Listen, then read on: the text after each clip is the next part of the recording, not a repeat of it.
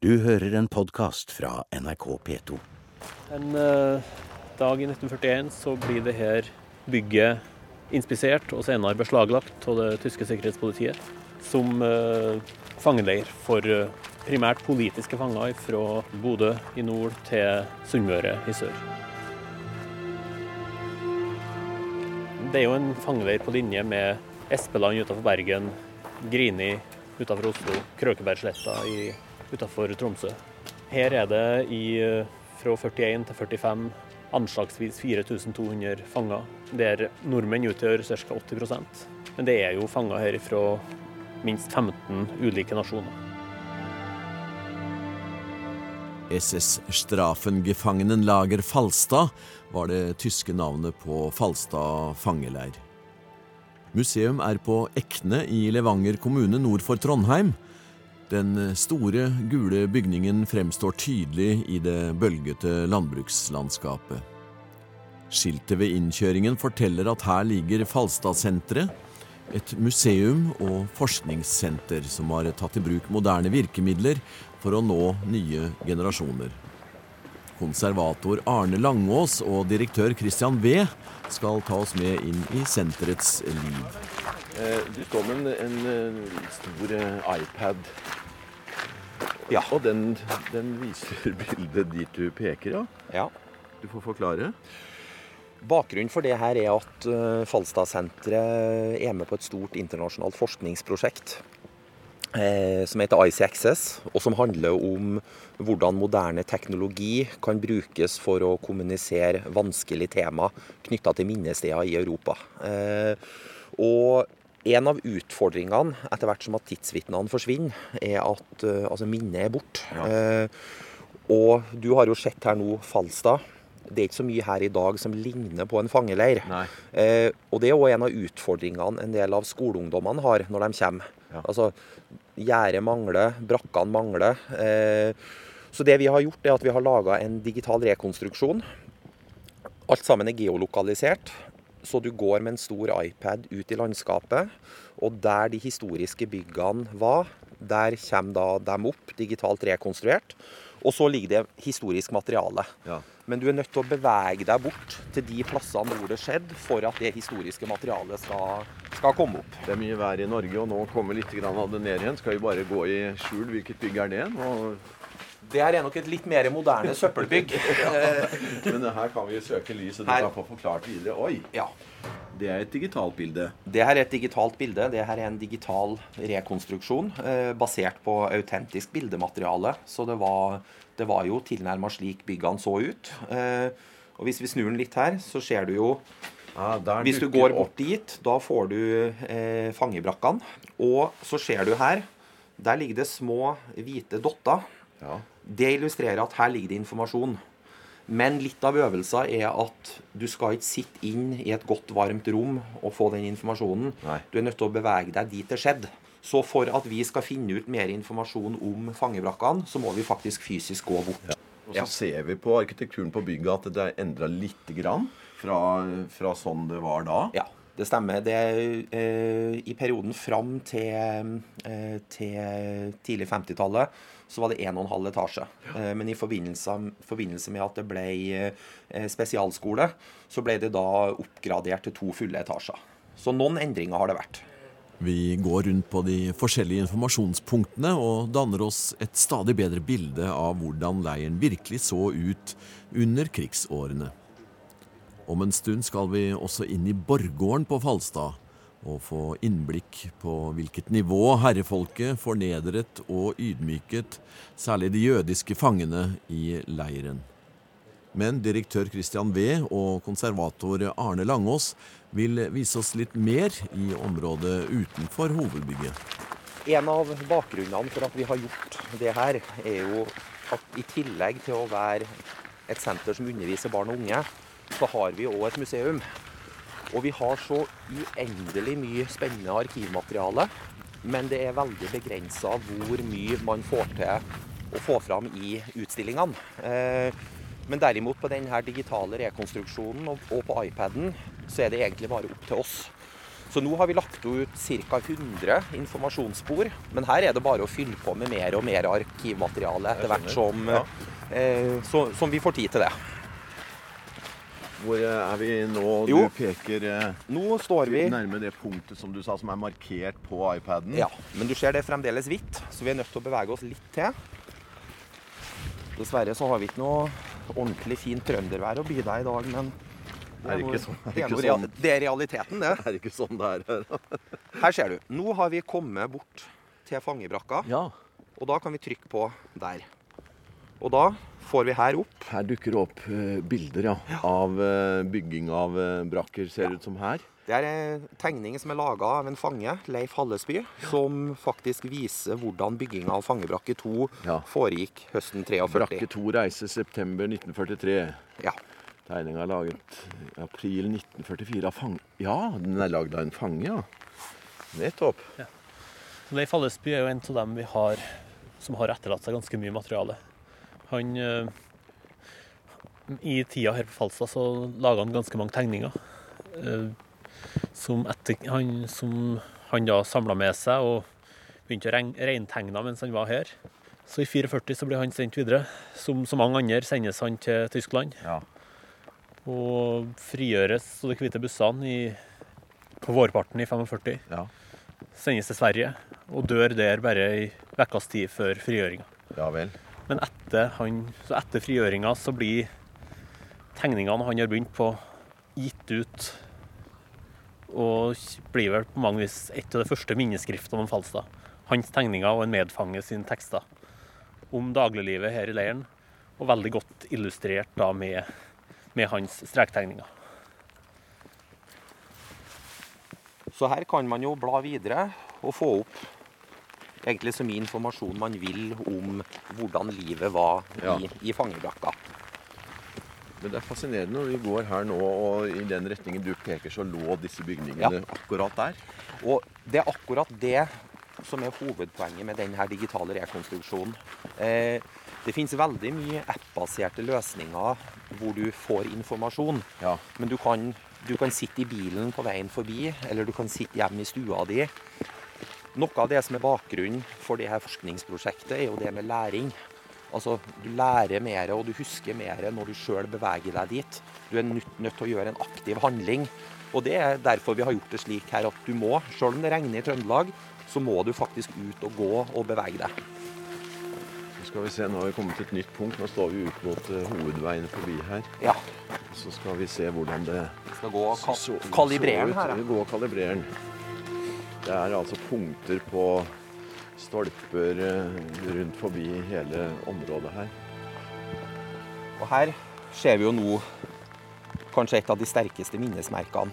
Ja. Altså her, her kan du da peke mot det som i dag er en riksvei. Ja. Der ser du det doble gjerdet, og der ser du porten eh, som symboliserer inngangen til, til Falstad.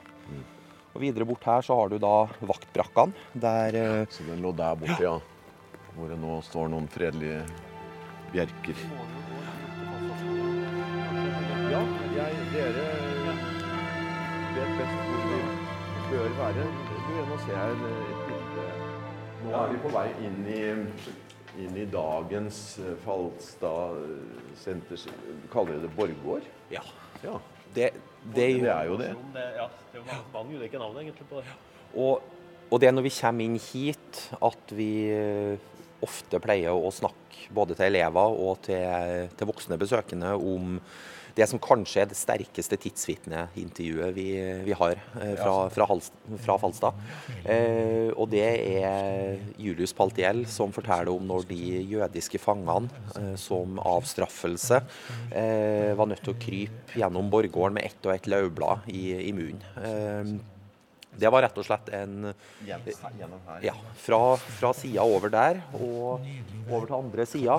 La oss si at det er kanskje en 35 meter. Eh, og det er ganske mye løv på den bjørka som er der. Eh, og det var en avstraffelsesaksjon fordi at de tyske fangevokterne i forbindelse med avsynginga av julesanger følte at de hadde mista litt kontrollen. Altså De hadde vist menneskelige følelser, eh, og da var det behov for å reetablere orden. Og da var det jo de jødiske fangene som, eh, som ble straffa. Og det som vi får til med denne digitale rekonstruksjonen igjen, er at besøkende, når de da går bort til bjørka, så kommer automatisk denne historien opp. Eh, er den bjørka den bjørka òg, eller? Ja. Det er den bjørka. Den, den, ser jo ut som han er noen år, ja. Ja da, Den begynner nok å bli en, en gammel mann. Ja. Eh, men det var den bjørka som sto her i, på 40-tallet. Ja. Når det da skjedde, så uh, kom de, og da vi, ble vi kommandert til å riste ned løvet på det store treet som sto innpå. Og når vi hadde gjort det, så skulle vi da se, oss om etter koster og raker og spader, for vi skal ta det sammen. Så øh, fikk vi beskjed nei. Vi skulle bare gå bort i hjørnet og så legge dere på maven. Og så skulle vi ta ett blad i munnen, dvs. Si, bruk munnen og ta opp bladet med. Og så skulle du åle over til andre sida av gårdsplassen. Og så legge fra deg bladet der i en dunge. Krype tilbake og, og redde hele gårdsplassen for, uh, for da uh, blader. Nå eh, hadde det jo dem eh, håpa på at eh, fangene skulle applaudert til dette synet, men de snudde ryggen til. Og Det er jo en hendelse som mange fanger kommer tilbake til i, i sine beretninger. Både dem som opplevde det sjøl, og dem som var vitner til det. Det inntrykket som, som det gjorde på dem. Og Julius ble jo sendt til eh, leirene på kontinentet. Eh, men han var en av de få som overlevde. Kom tilbake til Norge og ble virkelig en av de store støttespillerne for eh, Falstadsenteret i, i oppbygginga. Så det å bruke sånn som tidsvitneintervjuet til, til Julius, det føles veldig rett. Han lever ikke nå? Nei, han gikk bort i 2008. Ja. Ja, Det ga på en måte dette nå fine rommet Det kunne jo vært et konferansehotells eh, hage, på en måte. En helt annen eh, dimensjon. Ja, ja det, det, er faktisk det som er litt av det interessante med Falstad. Altså det er, det er egentlig et veldig fint bygg som ligger i et flott trønderlandskap, men så skjuler det en såpass mørk historie. Eh, men det gir jo veldig mye muligheter for å samtale med elever. Eh, altså bruk, bruk, det bakteppet for å, å, ha gode samtaler om ting som er, er, dagsaktuelt i dag. Ja, for nå er det jo snart ingen tidsvitner fra krigen igjen i det hele tatt. Eh, og annen verdenskrig er jo på en måte i ferd med å forsvinne fra i hvert fall den unge generasjons bevissthet. Eh, hvordan opplever dere det å formidle det videre? Hvordan er mottagelsen? Jo, og vi... hvordan er kunnskapsnivået egentlig? Jeg vet ikke hvor gamle disse elevene som dere har her, er. Her kommer det elever fra ungdomsskole og videregående. Og sjøl om eh, det er klart kunnskapsnivået er varierende, men eh, vi opplever at det er veldig mange som er godt forberedt. Eh, skolene gjør en god jobb i å sørge for at elevene vet hva det er de, de kommer til. Men jeg tror òg det er et helt bevisst valg fra skolene at uh, skal elever i dag forstå andre verdenskrig, forstå SS-regimet, forstå holocaust, uh, som er kjempeviktig, så er det viktig å komme seg ut av klasseromsettingen og dra på autentiske steder, sånn, sånn som Falstad, sånn som Espeland, sånn som Holocaust-senteret og, og Narvik-senteret. Fordi at ja, som du sier, kaffepraten om andre verdenskrig hjemme har stilna. Og da må man mer dra ut på, på de fysiske stedene. Det, det, er kjempeviktig. Og da er det instrumentet dere nå har tatt i bruk, eh, til stor hjelp, vil jeg tro da? Det er til veldig stor hjelp. Fordi at eh, noen av oss liker fysiske ting.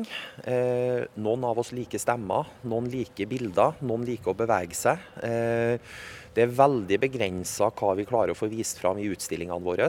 Men i denne digitale rekonstruksjonen så ligger det egentlig et uendelig potensial. Altså nå har vi, vi har et vandrende bibliotek vi, som, eh, som besøkende kan, eh, kan, ta i bruk. og Fungerer godt til skoleelever. Men det som har vært spesielt morsomt å se i sommer, vi tok jo i bruk det her i, i juli, det er hvordan besteforeldre har brukt muligheten til å ta med barnebarn. For det er klart, Falstad er en tung materie. Og det har ikke bestandig vært så lett å tatt med eh, unge ungdommer og barn på Falstad. Men nå plutselig så har det blitt et verktøy som ungene òg syns er morsomt. Og, og det er vel kanskje ungene som må instruere besteforeldre og foreldre i bruken av det? Jeg tror du treffer, treffer godt der, ja.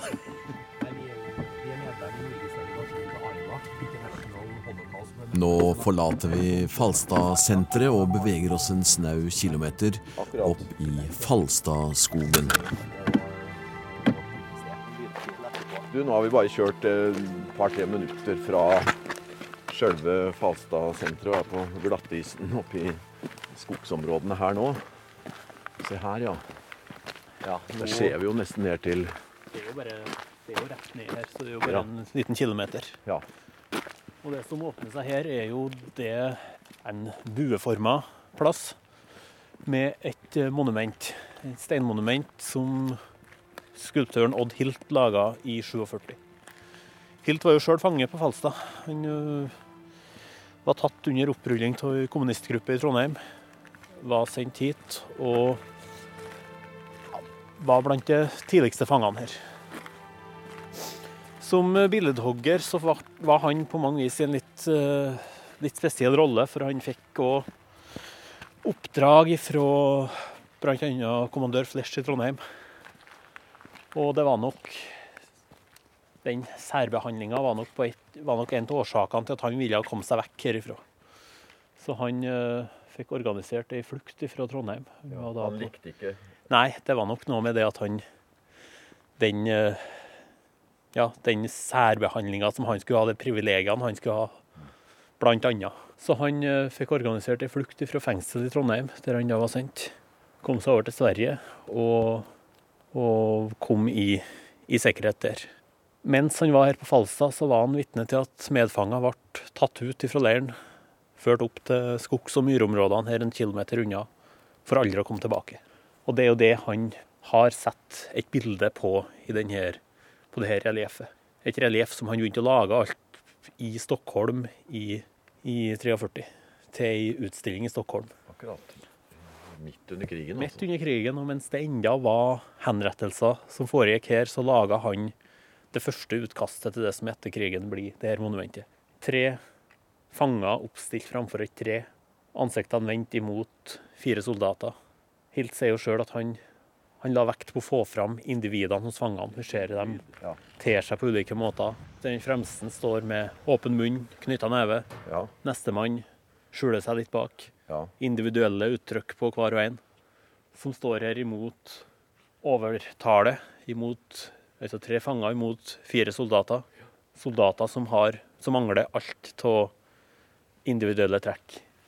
De har ikke ansiktstrekk, de er gjemt bak hjelmer og våpen. De er uniformert, og de tramper ned alt liv framfor seg. Om det er Og Om det- ja. hjelmen er lett gjenkjennelig. Ja. Fortsetter vi gjennom porten her og inn i skogen, der eh, henrettelsene foregikk. Det var jo over et forholdsvis stort område med graver plassert på noe som kan framstå som tilfeldige plasseringer. Vi ser jo på det kartet her. Ja. Kartskisser fra 48, der vi har eh, alle de tidligere gravplassene markert med, med små prekker her.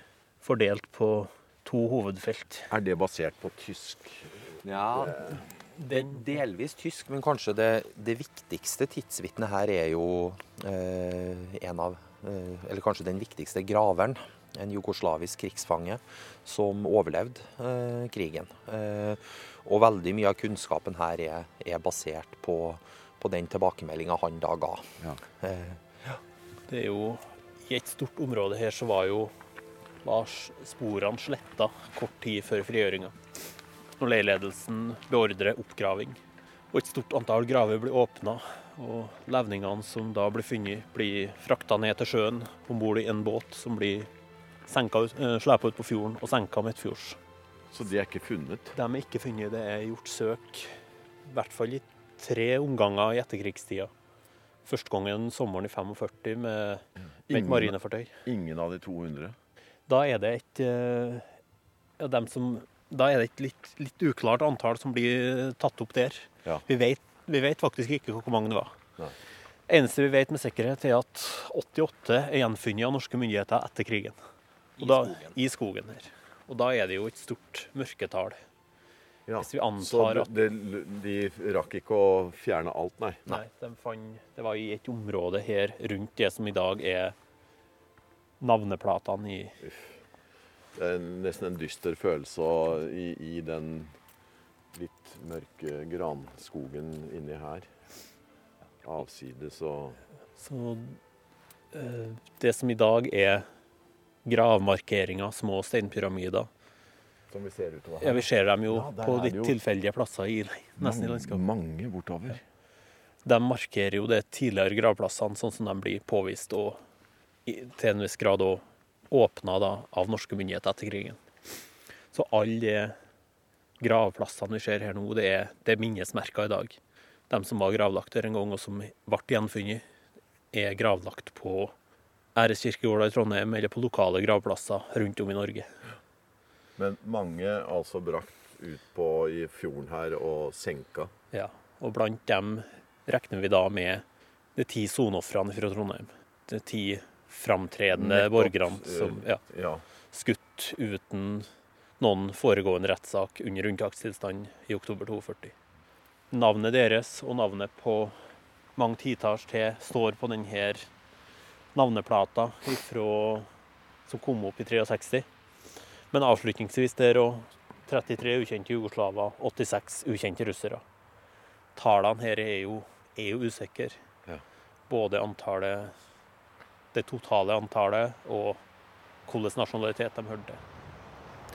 Men det er klart, i overkant av 200 mennesker henretta i Falstadskogen, det beskriver nok at for, for norske fanger spesielt, så var nok Falstad i en, i en særstilling. Eh, det var jo ikke noe veldig mye fangeleirer i Norge hvor eh, henrettelser på nordmenn var, var en del av hverdagen. Den eh, relativt tette granskogen skaper et dystert mørke. Markeringene over hvor de henrettede ble begravd, står overalt nedover i terrenget. Over 200 ble skutt, blant dem 43 nordmenn, 74 jugoslavere og 100 sovjetrussere. Og så har vi jo i denne lange oversikten som i stor grad bygger på tidsvitneavhør umiddelbart etter krigen, så står det jo òg navn som ikke skulle ha stått der. Aleksandr Vukovic, 30.10.43. Det er ei hendelse som er beskrevet av ganske mange. Som forteller om at det var opprør alt mens den gruppa på ja, vel 15 fanger, både jugoslaviske og sovjetiske fanger, skulle fraktes opp til skogen. Det kom til slagsmål, alt i leiren. Når de kom opp til skogen, så blir den første puljen tatt ut, tatt med ned til ei grav som er gjort klar. Og det er da han Aleksandr Vukovic greier å bryte seg løs. Det er fortalt at han har fått et barberblad ifra en medfange til, i, når han fikk frokost. Og med det bladet så har han fått greien å skjære av tauet han var bundet fast med. Og fikk løs både seg og en del av andre fangene. Og løp herfra. Det ble jo, en, ble jo en, noen kamper i. med vaktene som da kom til, tilbake. Noen eh, fanger blir skutt og drept momentant. Noen blir såra og kommer seg unna. Og noen kommer seg uskadd unna. Aleksandr Vukovic er den vi vet mest om. Han eh, kommer seg i skjul på en låve i nærheten her. Det er jo det er jo omtrent den temperaturen som vi har her i dag. Det, det nærmer seg vinter, det er kaldt. Han er veldig dårlig kledd, men får, får litt hjelp på den gården. Kommer seg etter hvert på føttene, kommer seg, blir losa i retning grenseområdene, så til Verdalen og videre over, over fjellet der, og kommer seg i sikkerhet i Sverige. Men eh, navnet hans det blir hengende igjen i oversiktene. Så når han på 60-tallet søker Han reiser jo ikke tilbake til Jugoslavia. Han har en fortid som gjorde at han ikke burde tilbake dit. Så han ender etter hvert opp i Frankrike. Og i 64, året etter at denne navneplata kommer opp, så står han fram i norske aviser og lurer på om det er noen som kjenner historien hans. Han har da søkt om krigserstatning, men eh, offisielle forklaringer står jo bak oss her. Navnet hans står på tavla over dem som er henretta i Falstadskogen. Dødserklært, ja. Ja. Men det var jo fortsatt såpass nært i tida at det var en del som kjente igjen en og fikk bekrefta at han faktisk var den han utga seg for å være. Han redda jo noen Ja, han, andre. det gjorde han, det, men så vidt vi vet, så var han den eneste som kom seg Vekk. i live. Ja. Men altså i live helt til Sverige. Ja.